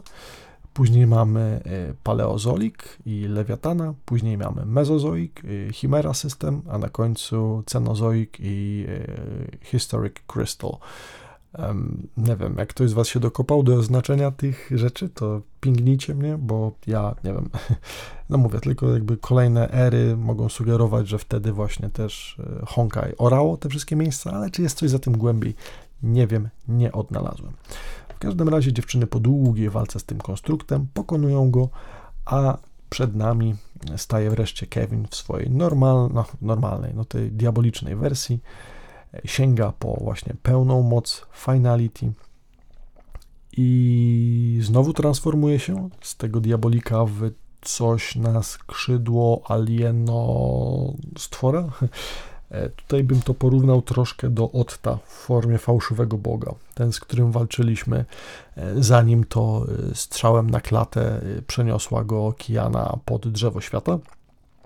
Miał on jakieś takie skrzydełka, maski, dziwne cuda no to tutaj czymś bardzo podobnym, tylko bardziej alienozordem zostaje właśnie Kevin. I czekajcie, on tam nawet jakąś miał nazwę, to był chyba Deliverance Kevin, nie? Deliverance w sensie, że tak samo jak nazywał się jego Signet podczas kiedy to był jednym z 13 łowców płomienia.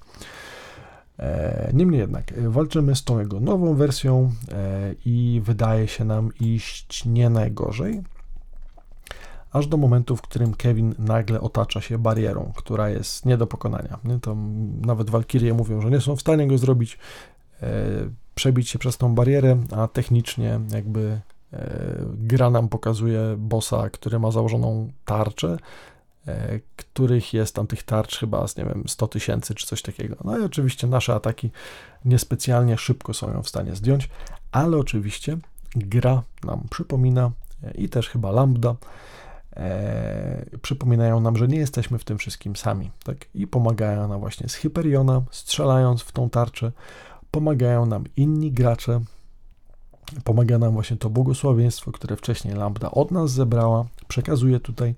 I w pewnym momencie właśnie widzimy tam chyba te wszystkie komunikaty, e, widzimy imiona postaci, bo to nie tylko my walczymy, ale są tam różne postacie, e, nie wiem, Walkirie z Antientropii, pojawiają się też chyba jakieś postacie poboczne, bo tam połowy imion w ogóle nie kojarzę, które się pojawiają e, w tej takiej śmiesznej scence.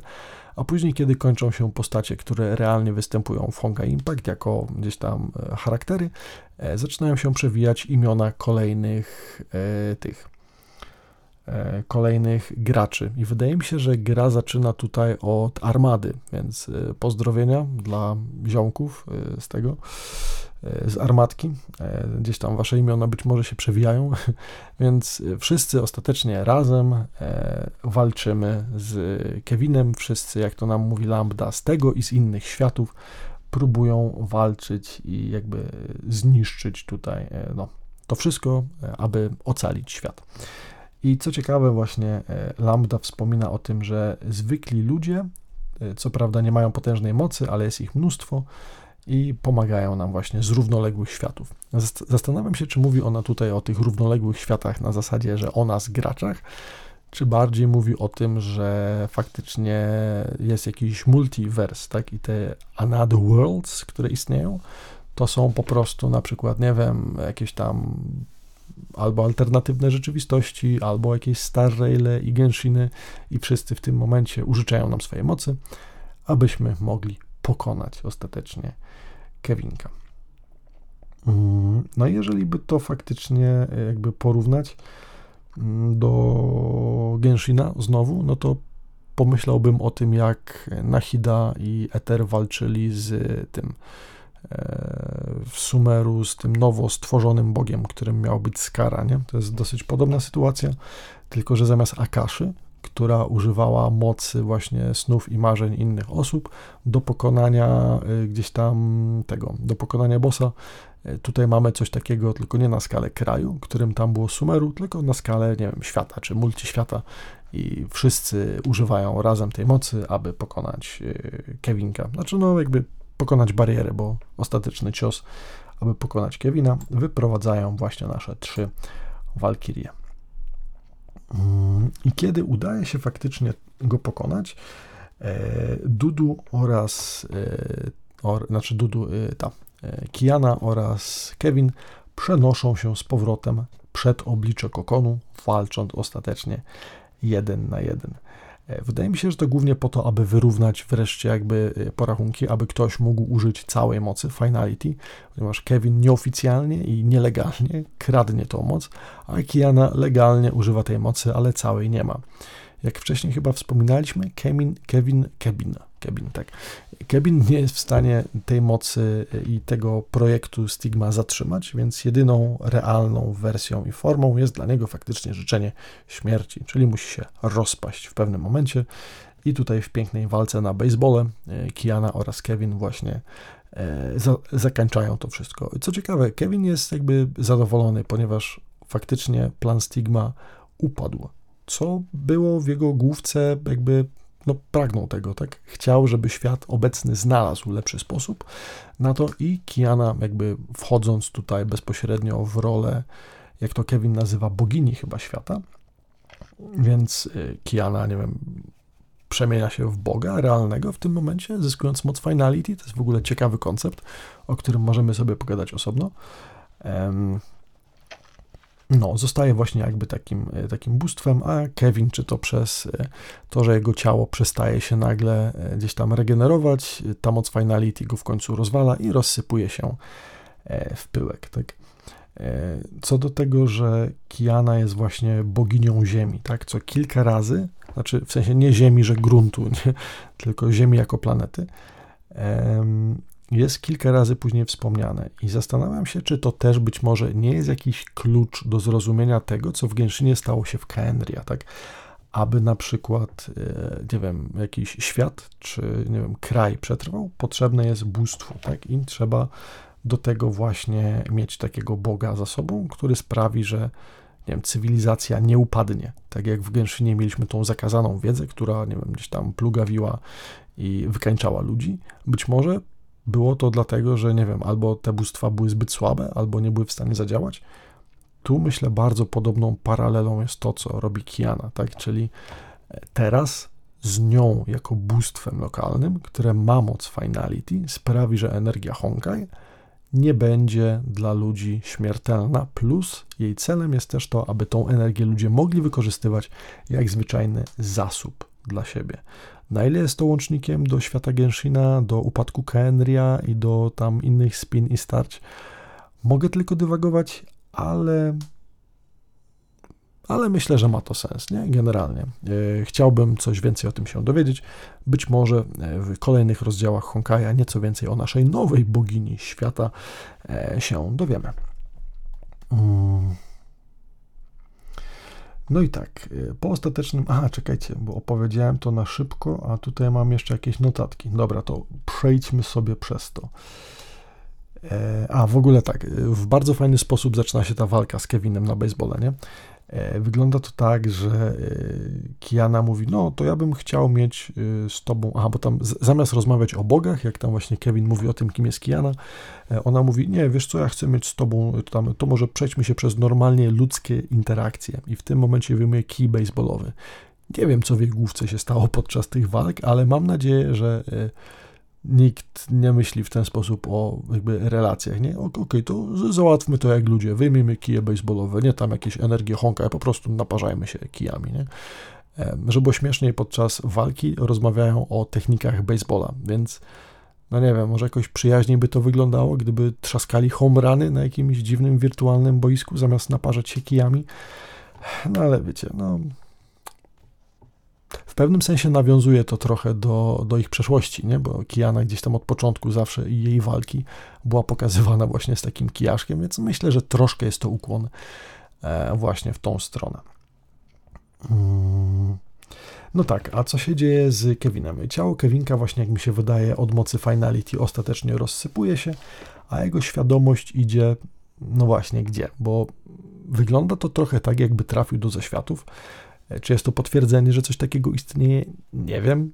Chciałbym w to wierzyć, ale może jest to tylko jakaś wersja taka, wiecie, romantyczna, e, jakaś taka, no, nierealna. E, Kevinek spotyka swoich 13 przyjaciół, no i oczywiście dr May. E, prawdopodobnie są to bardziej zaświaty niż jakiś inny lepszy świat, a to dlatego, że bezpośrednio są nawiązania podczas jego rozmowy z May do tego, że dał radę, że zakończył ten projekt i że już nie jest sam, że są razem, czyli jakby rozmawiają o powodzeniu planu Stigma. A po drugie, są tam też postacie, których normalnie by w realu nie było, tak? W sensie są postacie, które zginęły, takie jak na przykład Rin, czyli siostra Sakury, jest Dystopia, jest Ato, czyli ojciec Gracio. Co ciekawe, jest nawet Kan. Kan, czyli kot od Pardo, który ponoć nigdy w świecie realnym nie manifestował. A tutaj, no, ponoć Kan jest też zwyczajną postacią, więc być może konstrukt, który niegdyś istniał tylko i wyłącznie w Elysian Realm, e, przeniósł się też do jakichś dziwnych e, Honkajo zaświatów. E, tak. No, wydaje mi się, że to jest takie bardziej, wiecie, romantyczne zakończenie. Czy realne? Nie wiem, chciałbym, ale no miło zobaczyć Kevina wreszcie u boku dr May. Jak tak widziałem, jak sobie leżą obok siebie, to wreszcie przyszło mi do głowy, że jeżeli w przeszłości, w poprzedniej erze Kiana, e, znaczy w poprzedniej erze Kevin, e, Kevin Kaslana oraz e, dr May byli shipowani razem, to bardzo ładnie się to przekłada na obecną erę, gdzie są też shipowani również Kaslanowie, tylko no jakby już nie Kevin, bo nie ma Kevina, tylko jest Kiana, w sumie też na K, więc mamy Kianę i mamy e, May, nie? Więc e, w poprzedniej erze to był Kevin Kaslana i Dr. May, a w obecnej erze to jest Kiana Kaslana i Raiden May, nie? Dopiero teraz to zauważyłem, nie? Że faktycznie jakby May May i Kaslana i Kaslana i, i Kaka i Kaka tutaj, no, wiecie, nie wnosi to nic, ale moje spostrzeżenie, musiałem się podzielić, no bo czemu nie? Mm, tak więc ostatecznie Kevin po 50 tysiącach lat doznał momentu, w którym udało mu się e, no, doprowadzić projekt, który wszyscy rozpoczęli 50 tysięcy lat temu i na który wszyscy pracowali dość mocno. E, po wygranej z Kevinkiem, kiedy już go wybejsbolowała z tego świata, e, Kiana właśnie wraca z powrotem do rozmowy z Kokonem, gdzie właśnie czekajcie, tam chyba pojawia się narrator, który wspomina, który jakby wyjaśnia, dlaczego w tym momencie już Honkai nie będzie niszczyć ludzkości. E, narrator wyjaśnia to mianowicie. Kiana w momencie, w którym jakby e, zjednała się z Kokonem, czy używa jego mocy, Kokon też ma zamiar w taki sam sposób przytulić ludzkość, w jaki robi to Kiana. Tak? Czyli poprzednio Kokon działał na własną rękę. To jego przytulenie, to Embrace Humanity, miało na celu wyewoluowanie ludzkości przez jakiś proces, który by sprawił, że nagle byliby kompatybilni. Jakby najprostszym byłoby po prostu powtarzanie cyklu, aż się uda. No bo jakby Finality, władając mocą czasu, ma go pod dostatkiem. Natomiast tutaj Kiana robi to w sposób, w który ona chce to zrobić, w który ona chce przytulić ludzkość, mianowicie dać im energię Honka i w jakiś sposób, jeszcze nie wiemy jaki, e, ale umożliwić im koegzystencję, tak? No ale mając być może te nieskończone moce Honkai, no może skończone, ale no bardzo, bardzo e, potężne, porównując do jej poprzedniej gdzieś tam mocy, będzie w stanie jakoś tą ludzkość inaczej przytulić, niż po prostu e, resetując świat do zera i mając nadzieję, że teraz wreszcie, nie wiem, mutacje genetyczne sprawią, że energia Honkai e, będzie kompatybilna. I wydaje mi się, że to jest jakby największa rewelacja, do której ja dotarłem. No bo nigdy nie rozumiałem, w jaki sposób Kiana, zostając Hersher of Finality, miałaby powstrzymać kolejne e, tragedię, nie? No bo okej, okay, będzie miała tą moc Finality, ale Honkai dalej będzie atakować ludzkość. No nie, tutaj wyjaśnione jest to tak, że Kiana, będąc e, tym Hersher of Finality, e, chcąc przytulić ludzkość na swoją własną, w swojej własnej wersji i formie, to samo Kokon postanawia, co ona. Czyli przyjmuje jej metodę. Zamiast brute force'em resetować ludzkość i próbować aż, nie wiem, aż się wreszcie ogarnie ze swoim procesem ewolucji, użyć takiej metody gładszej, którą Kiana być może już w kolejnych rozdziałach nam zamanifestuje. Mm. Y, tak. Niestety Kiana nie może wrócić na Ziemię. Jest to wyjaśnione w sposób następujący. Po tym jak Ziemia teraz była transformowana i w jedną, i w drugą, nie jest do końca stabilna i musi się jakby, no nie wiem, te takie rany w, nie wiem, czasoprzestrzeni, czy w tym świecie muszą się zagoić, zanim Ziemia będzie w stanie wytrzymać moc Finality, która, no i ogólnie energię Honkai, tak, tylko w formie Finality, która wróci na Ziemię. Więc w związku z tym Ziemia musi się wyleczyć, jakby, nie wiem, czasoprzestrzeń czy coś. E, jest tutaj powiedziane, że może to zająć od 5 do 10 lat, i przez ten czas Kijanka z całą mocą i energią e, Honkai będzie sobie na Księżycu. I dopiero w momencie, w którym e, ten czas minie, już Ziemia będzie bezpieczna, Kiana wróci z powrotem na Ziemię jako bóstwo lokalne, dając wszystkim energię finality, tak jak elektryczność, aby mogli ją wykorzystywać do, nie wiem, zostania nowym, lepszym gatunkiem ludzi, niekoniecznie wcale e, transformując ich w jakieś e, nowe formy, jak to chciał zrobić właśnie projekt Stigma. E, w rozmowie z Kokonem Kijanka uczy się używać jego zmysłów, tak nam to też wyjaśnia chyba e, ten narrator, przez co jest w stanie porozmawiać sobie z innymi.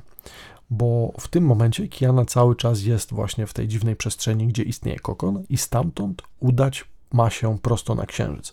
Po transformacji, po wchłonięciu resztek energii do siebie, no bo jakby ta część, nie wiem, być może, która została po Kevinie czy coś, aby zostać faktycznie pełną Hersher of Finality, Kiana musi wejść do środka, gdzieś tam tego kokonu, y, przenieść się na księżyc i wtedy wszystko będzie cudownie. Ale zanim jeszcze to robi, e, Kijanka będzie sobie rozmawiać z innymi. Tak? Mm, I te rozmowy, które tutaj właśnie będą przeprowadzane, trochę wydaje mi się, bo tak jeszcze jakby no, czujecie, nie, że jesteśmy prawie na końcu. Natomiast do omówienia są jeszcze dwa tematy. Jeden to jest to, jak Kiana rozmawia sobie z innymi i się żegna w pewnym sensie, albo mówi, y, że wygrała i że niebawem znowu się zobaczą. I jest jeszcze Graduation Trip, czyli ten taki filmik, w którym no, w piękny, malowniczy sposób widzimy z powrotem wszystkich bohaterów i to, jak Kiana leci, czy idzie z buta na księżyc.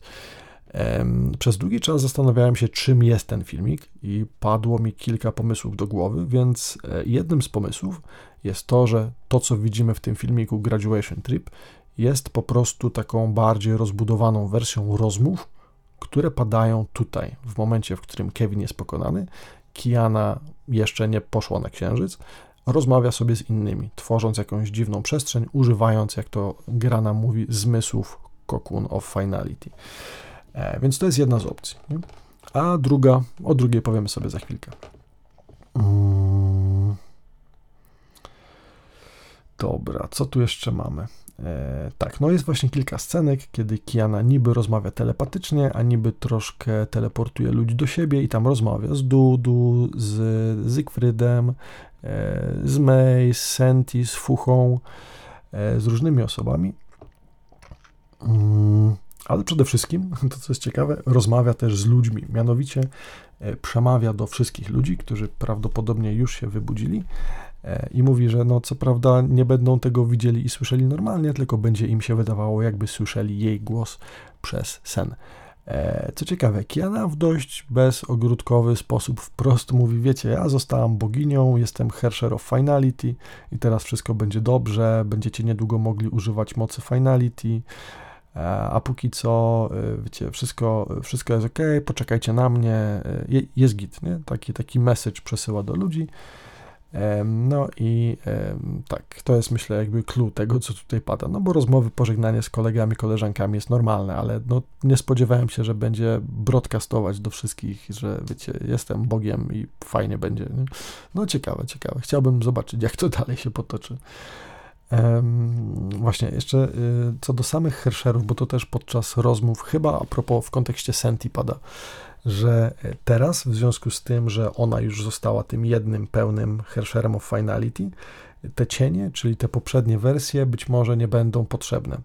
Więc wszystkie energie Hersherów zaczną zanikać aż do zera, łącznie z ich mocami.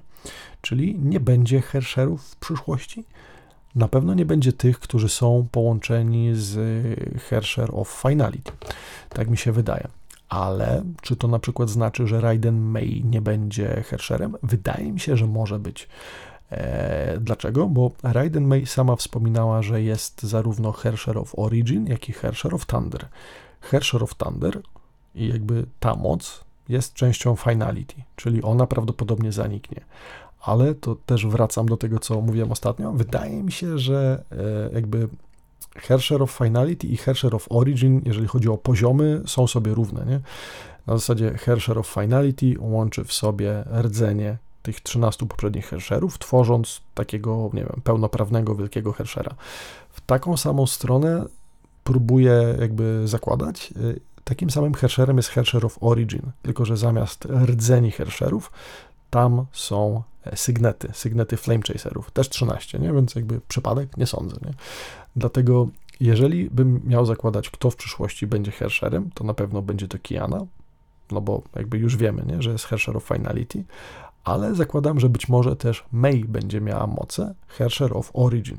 Thunder prawdopodobnie z niej wyparuje, e, ale tych dwóch Hersherów będziemy widzieć. No natomiast Bronia straci swój e, Core of Reason, nie wiemy, co się do końca stanie z Senti, no bo ona też jakby jest trochę manifestacją tego wszystkiego. No ale zakładając, że wyewoluuje albo jest jakąś formą formy, e, czy idei, czy jak to tam się w tych psychologicznych zawiłościach e, tworzyło, być może będzie się miała dobrze. No ale na razie nie wiadomo. No i co też będzie z Sele i z no, Mohitori no Watashi, nie? Co, tam, co tam z tą drugą będzie. Zobaczymy. Niemniej jednak cała moc ma być zassana do kijanki, cała moc Finality, więc wszystkie inne rzeczy mają pozanikać. Nie? To tak, e, no, w ramach e, wyczyszczenia świata z energii, nie? więc ten zwykły świat na Ziemi będzie się w stanie wyleczyć bez tej energii, a później Kijanka z tą całą energią z powrotem wróci e, i się pojawi. No myślę, że jakieś tam rzeczy, jakieś tam minimalne resztki energii Honkai na Ziemi prawdopodobnie będą istniały, no ale ta całość nie, jakby spoczywa sobie w tym momencie i będzie spoczywać już całkiem niedługo w Kijance na górze. Mm, więc tak, ostatnim krokiem do ewolucji jest właśnie zostanie boginią ziemi e, i tak dalej, i wejście w kokon. E, I podczas ostatniej rozmowy, kiedy to tam właśnie Kiana i May sobie e, rozmawiają za pomocą tych, nie wiem, mocy tego, mm, mocy kokonu, czy to Kiana ich tam przeteleportowała, rozmawiają sobie chwilę, później Bronia zostawia Kijankę i May, aby miały chwilę dla siebie, chociaż no, nie korzystają z niej specjalnie. Wydaje się, że są już na takim poziomie jakby, wiecie, synchronizacji, że już nie muszą nic mówić, one już wszystko wiedzą, wszystko czują, nie? E, chyba się nawet przytulać nie muszą, chociaż nie, jakoś dziwnie to wygląda bez pożegnania w, w tym sensie, no ale nie muszą się żegnać, bo będą się mogły odwiedzać na Księżycu, nie? Niemniej jednak May odprowadza Kiankę na pociąg, znowu są na dworcu Mainnetu. Tam też May opowiada o swoim pragnieniu czy marzeniu, że zostać ma nauczycielką, taką jak Himeko, tylko że bez wody, nie? bez picia. No bo jakby chce też dać innym nadzieję i pomóc im wyrastać na silne i niezależne osoby, tak jak kiedyś jej się to e, udało, dzięki temu, że miała jakby odpowiednie modele, ktoś ją tam ochraniał, teraz ona chce być kimś takim dla innych. No i w sumie widzieliśmy to też w Post Honkai Odyssey. E, tak, e, obiecują się odwiedzić na Księżycu, no bo w sumie im to nie powinno robić różnicy, nie? Może zwykłym ludziom i Ziemi tak, ale myślę, że z technologią Schicksal i antyentropii, nawet po odparowaniu ich mocy Herschera, myślę, że bez problemu będą w stanie, no w końcu są odporne, nie? Dziewczyny, jako że są walkiriami, będą w stanie z Kianą sobie na Księżycu pograć w piłkę, czy coś, nie wiem. No tak, ale obiecują, że będą się odwiedzać, że nie będzie tam cały czas sama, więc powinno być spoczko. No i na sam koniec oczywiście, e, po tym jak już May odprowadza Kijankę, Kijanka wsiada do pociągu i dalej mamy piękny filmik Graduation Trip. Jak już mówiłem wcześniej, moim zdaniem ten filmik jest jakąś taką, z jednej strony mógłby być animowaną wersją tych rozmów, które widzieliśmy wcześniej, ale z drugiej strony, no nie, fabularnie te wszystkie rozmowy miały miejsce. May odprowadza Kianę na pociąg, Kiana wsiada w pociąg i jedzie dalej. Czym więc może być to, co widzimy? Być może jest to oglądaniem przeszłości, tak mi się wydaje. I za każdym razem, kiedy Kiana zamyka oczy, w jakimś sensie używa tych mocy właśnie, nie wiem, tych zmysłów kokonu, finality, aby, nie wiem, w jakiś sposób wejrzeć w przyszłość, przeszłość, alternatywne światy, zajrzeć do siebie w jakiejś innej, dziwnej formie, zrozumieć świat. Nie? Tak bym to widział. No, zdecydowanie nie jest to proste i klarowne pożegnanie, ale myślę, że jest to pożegnanie, które, e, jakby na które wszyscy czekaliśmy i który jest jak najbardziej ukłonem w stronę wszystkich bohaterów, wszystkich postaci, które przez czas tej gry mogliśmy zaobserwować. E, tak, więc jest to troszkę pomieszane, bo z jednej strony wydaje mi się, że widzimy faktycznie wspomnienia gdzieś tam, na przykład innych Hersherów, kiedy to na początku Kiana rozmawia, czy to z e, Hersher of e, Domination, czy Otto się tam pojawia jako fałszywy Bóg, czy jako osoba, która miała dostęp do Authority of Binding. E, przez chwilkę też nam mruga Hersher of Corruption.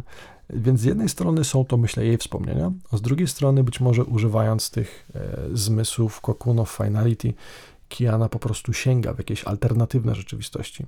Dlaczego tak myślę?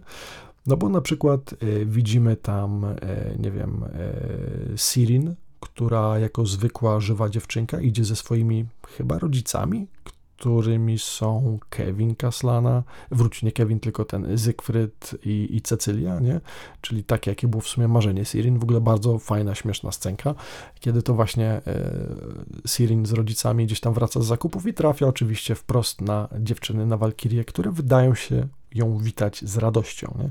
Więc zdecydowanie nie są to jej wspomnienia. Może to być co najwyżej alternatywny świat, który mocą kokonu Kiana gdzieś tam sobie obejrzała. E, widzimy też Kalen Kaslany razem z Sakurą, e, co mogłoby być technicznie wspomnieniem, no bo jakby coś takiego miało miejsce. Mogłaby też czyjeś wspomnienia oglądać, przyglądając się e, 13 Flame Chaserom, którzy gdzieś tam idą z powrotem do swojego e, złotego, tego, do swojej bazy wypadowej, do Golden Courtyard. E, też tam jest taka scenka które, które nie mogą być wspomnieniami Kiany, nie? Więc zakładam, że właśnie dlatego używa ona tych mocy kokonu, aby być może jakieś alternatywne rzeczywistości e, ogarnąć.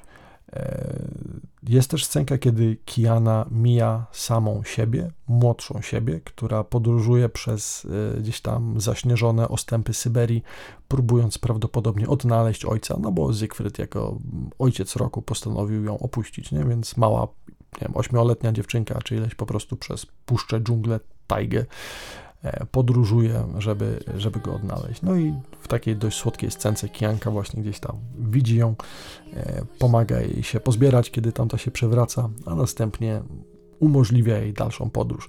Czy była to ta Kiana, czy była to Kiana na przykład y, z GGZ, czy z jakichś innych gier? Nie wiadomo. Ponoć jest w ogóle wiele referencji do tytułów z GGZ, czy to plecak z tym kameleonem, który ma na plecach, czy jakieś spadające gwiazdy i te i, mm, i zorza polarna, które się gdzieś pojawiają, które też są ponoć kluczowymi jakimiś nie wiem, scenami, momentami, czy elementami, które z GGZ-em się kojarzą, czyli z tą poprzednią grą, na podstawie której powstał Honkai Impact 3 tak jak na podstawie Honka Impact 3 powstaje teraz i już niedługo będziemy grali w stare Raila. E, nie wiem, ale filmik jest piękny, więc myślę, że nie potrzebuję go analizować i porozumieć w pełni, po prostu delektuję się jego, e, jego pięknem i tymi wszystkimi scenami, osobami, tymi wszystkimi drobnymi smaczkami, takie jak na przykład reklamy gdzieś tam na budynkach, które pokazują czy to Eden, czy tam, e, nie wiem, Elden Ring w wersji jakiejś kijanowej, no, fajnie się to ogląda. Przepiękny filmik, nie? Oby więcej czegoś takiego. E, no i jeżeli miałbym to jeszcze podsumować, to wydaje mi się, że ten film po prostu pokazuje też przemianę Kiany, tak? Z, nieoga z nieogarniętego podlotka w dorosłą postać dokonującą poważnych i odpowiedzialnych decyzji. Nie? Po filmie też w ogóle widzimy jeszcze e, ostatnią scenkę, e, znaczy kilka scenek. Jedną jest to, jak gdzieś tam właśnie ta mała Kiana z plecakiem e, tego z plecakiem kameleona gdzieś tam podróżuje sobie przez ciemny świat, co jest, nie wiem, właśnie GGZ-em, czy jakąś inną grą, którą szykują, albo nie mam pojęcia czym. Widzimy też jakby ten realny świat i Kianę, która już wylądowała na Księżycu, która robi sobie selfiaka i wysyła do dziewczyn, do koleżanek, e, dając im znać, że wszystko jest ok. W międzyczasie dowiadujemy się, że jakaś nowa sieć telekomunikacyjna została tam postawiona i mogą teraz sobie nawet dziewczyny przesyłać zdjęcia, więc spoko. E, kosmiczny internet, jak najbardziej na propsie. Ciekawe, jakie pingi mają. No, ale niemniej jednak jesteśmy pełni nadziei na przyszłość. Mam nadzieję, że Wam też się podobało jakby zakończenie tej gry. Mi się, znaczy no gry, no tego rozdziału, nie tej części, bo będzie tego więcej. E, już niedługo w 36 rozdziale będziemy mieli przejście pomiędzy częścią pierwszą a drugą. Część pierwsza właśnie w tym momencie się zamknęła. Później będzie coś na rodzaj e, rozdziału czy części 1,5, które jest wstępem do przyszłości i na pewno jest to rozdział 36. Jeżeli miałbym zakładać, stawiałbym, że może to mieć maksymalnie do trzech rozdziałów. E, z jakiegoś powodu wydaje mi się, że e, Hoyovers lubi liczbę 3 i część dużych jakichś takich rozdziałów była po prostu łapana w, w trójki, więc być może 3, 6, 7 i 8 będą jakimiś takimi przejściowymi, kiedy to poznamy, nie wiem, w 36 Sele, w 37 Kianę, a w 38 Tereskę, aż później z pełną petą wrócimy na pełne tory drugiej części, która nie mam pojęcia, co nam przyszykuje, ale jestem pewien, że będzie ciekawie. I to tyle, jeżeli chodzi o główną historię. Mam tu jeszcze wypisanych kilka notatek a propos podsumowania i próby analizy tego, czym w ogóle ta gra była. I gdzieś znalazłem, i to w sumie też fajnie, jakby myślę, pokazuje no, jakby sposób myślenia o tych postaciach. E, Kiana May i Bronia mogą symbolizować przeszłość, teraźniejszość i przyszłość w swoich formach Hersherów, tak? E, przeszłość jako origin, czyli początek, e, truth, czyli prawda, tu i teraz, wiecie, takie nie wiem, bycie, bycie w danej chwili i przyszłość, czyli finality, czyli koniec, nie? No i tutaj nasz tercet dziewczyn też w jakiś sposób adresuje to wszystko, nie? I razem są w stanie przezwyciężyć te, te trudności.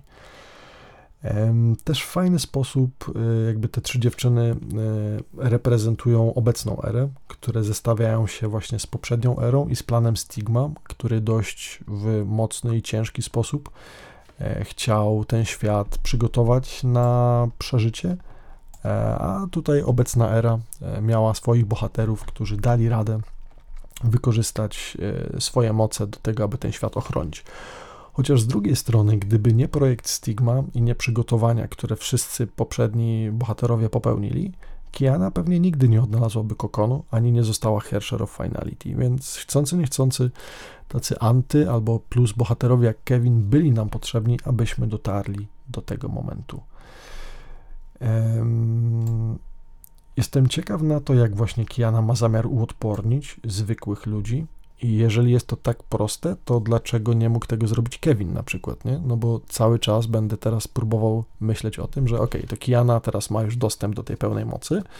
Czemu Kevin, który też miał tą moc, nie mógł tego zrobić wcześniej inaczej. Czemu nie mógł dostrzec tego? Nie?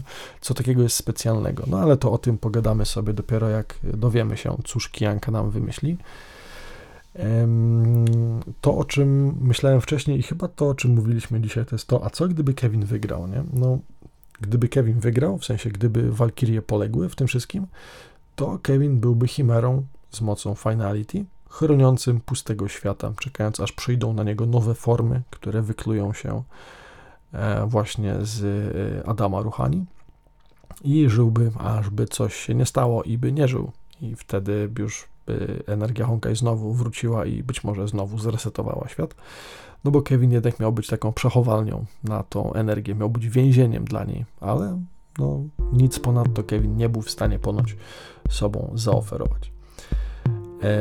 Gdzieś tam w jednej rozmowie z Lambdą chyba, e, czy tam w jakimś jej monologu, jesteśmy porównywani do ludzi uwięzionych w jaskini smoka, ale się okazuje, że wcale z tym smokiem nie muszą walczyć, czy nie powinni, bo to nie on ich uwięził. Że tak samo smok, jak i ci ludzie chcą tylko wrócić do domu. Nie? I nie wiem, czy tutaj tą dziewczyną, która chce wrócić do domu jest Kiana, a smok to Kevin.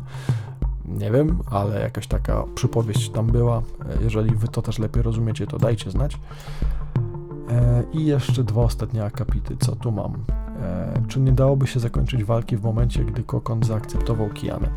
No nie, właśnie wydaje mi się, że nie. Wczoraj na Discordzie oficjalnym trochę posiedziałem i z tego, co rozmawiały tam różne osoby, które ciut lepiej się znają o tym niż ja, e, stwierdzili, stwierdziły, liśmy, nie wiem, jakoś tak, że Kevin ostatecznie nie mógł zatrzymać tego wszystkiego. I faktycznie jest gdzieś chyba jego komentarz, który mówi o tym, że E, on nie mógł tego po prostu zakończyć, nie? że nie mógł wyłączyć tego wszystkiego, nie mógł wyciągnąć z siebie tej energii, więc jedyną formą w momencie, w którym on już po nią sięgnął, było to, aby go pokonać, położyć do snu wiecznego i aby w tym momencie ktoś lepszy był w stanie się znaleźć, e, aby tą energię wciągnąć i wytranscendować siebie oraz całą ludzkość.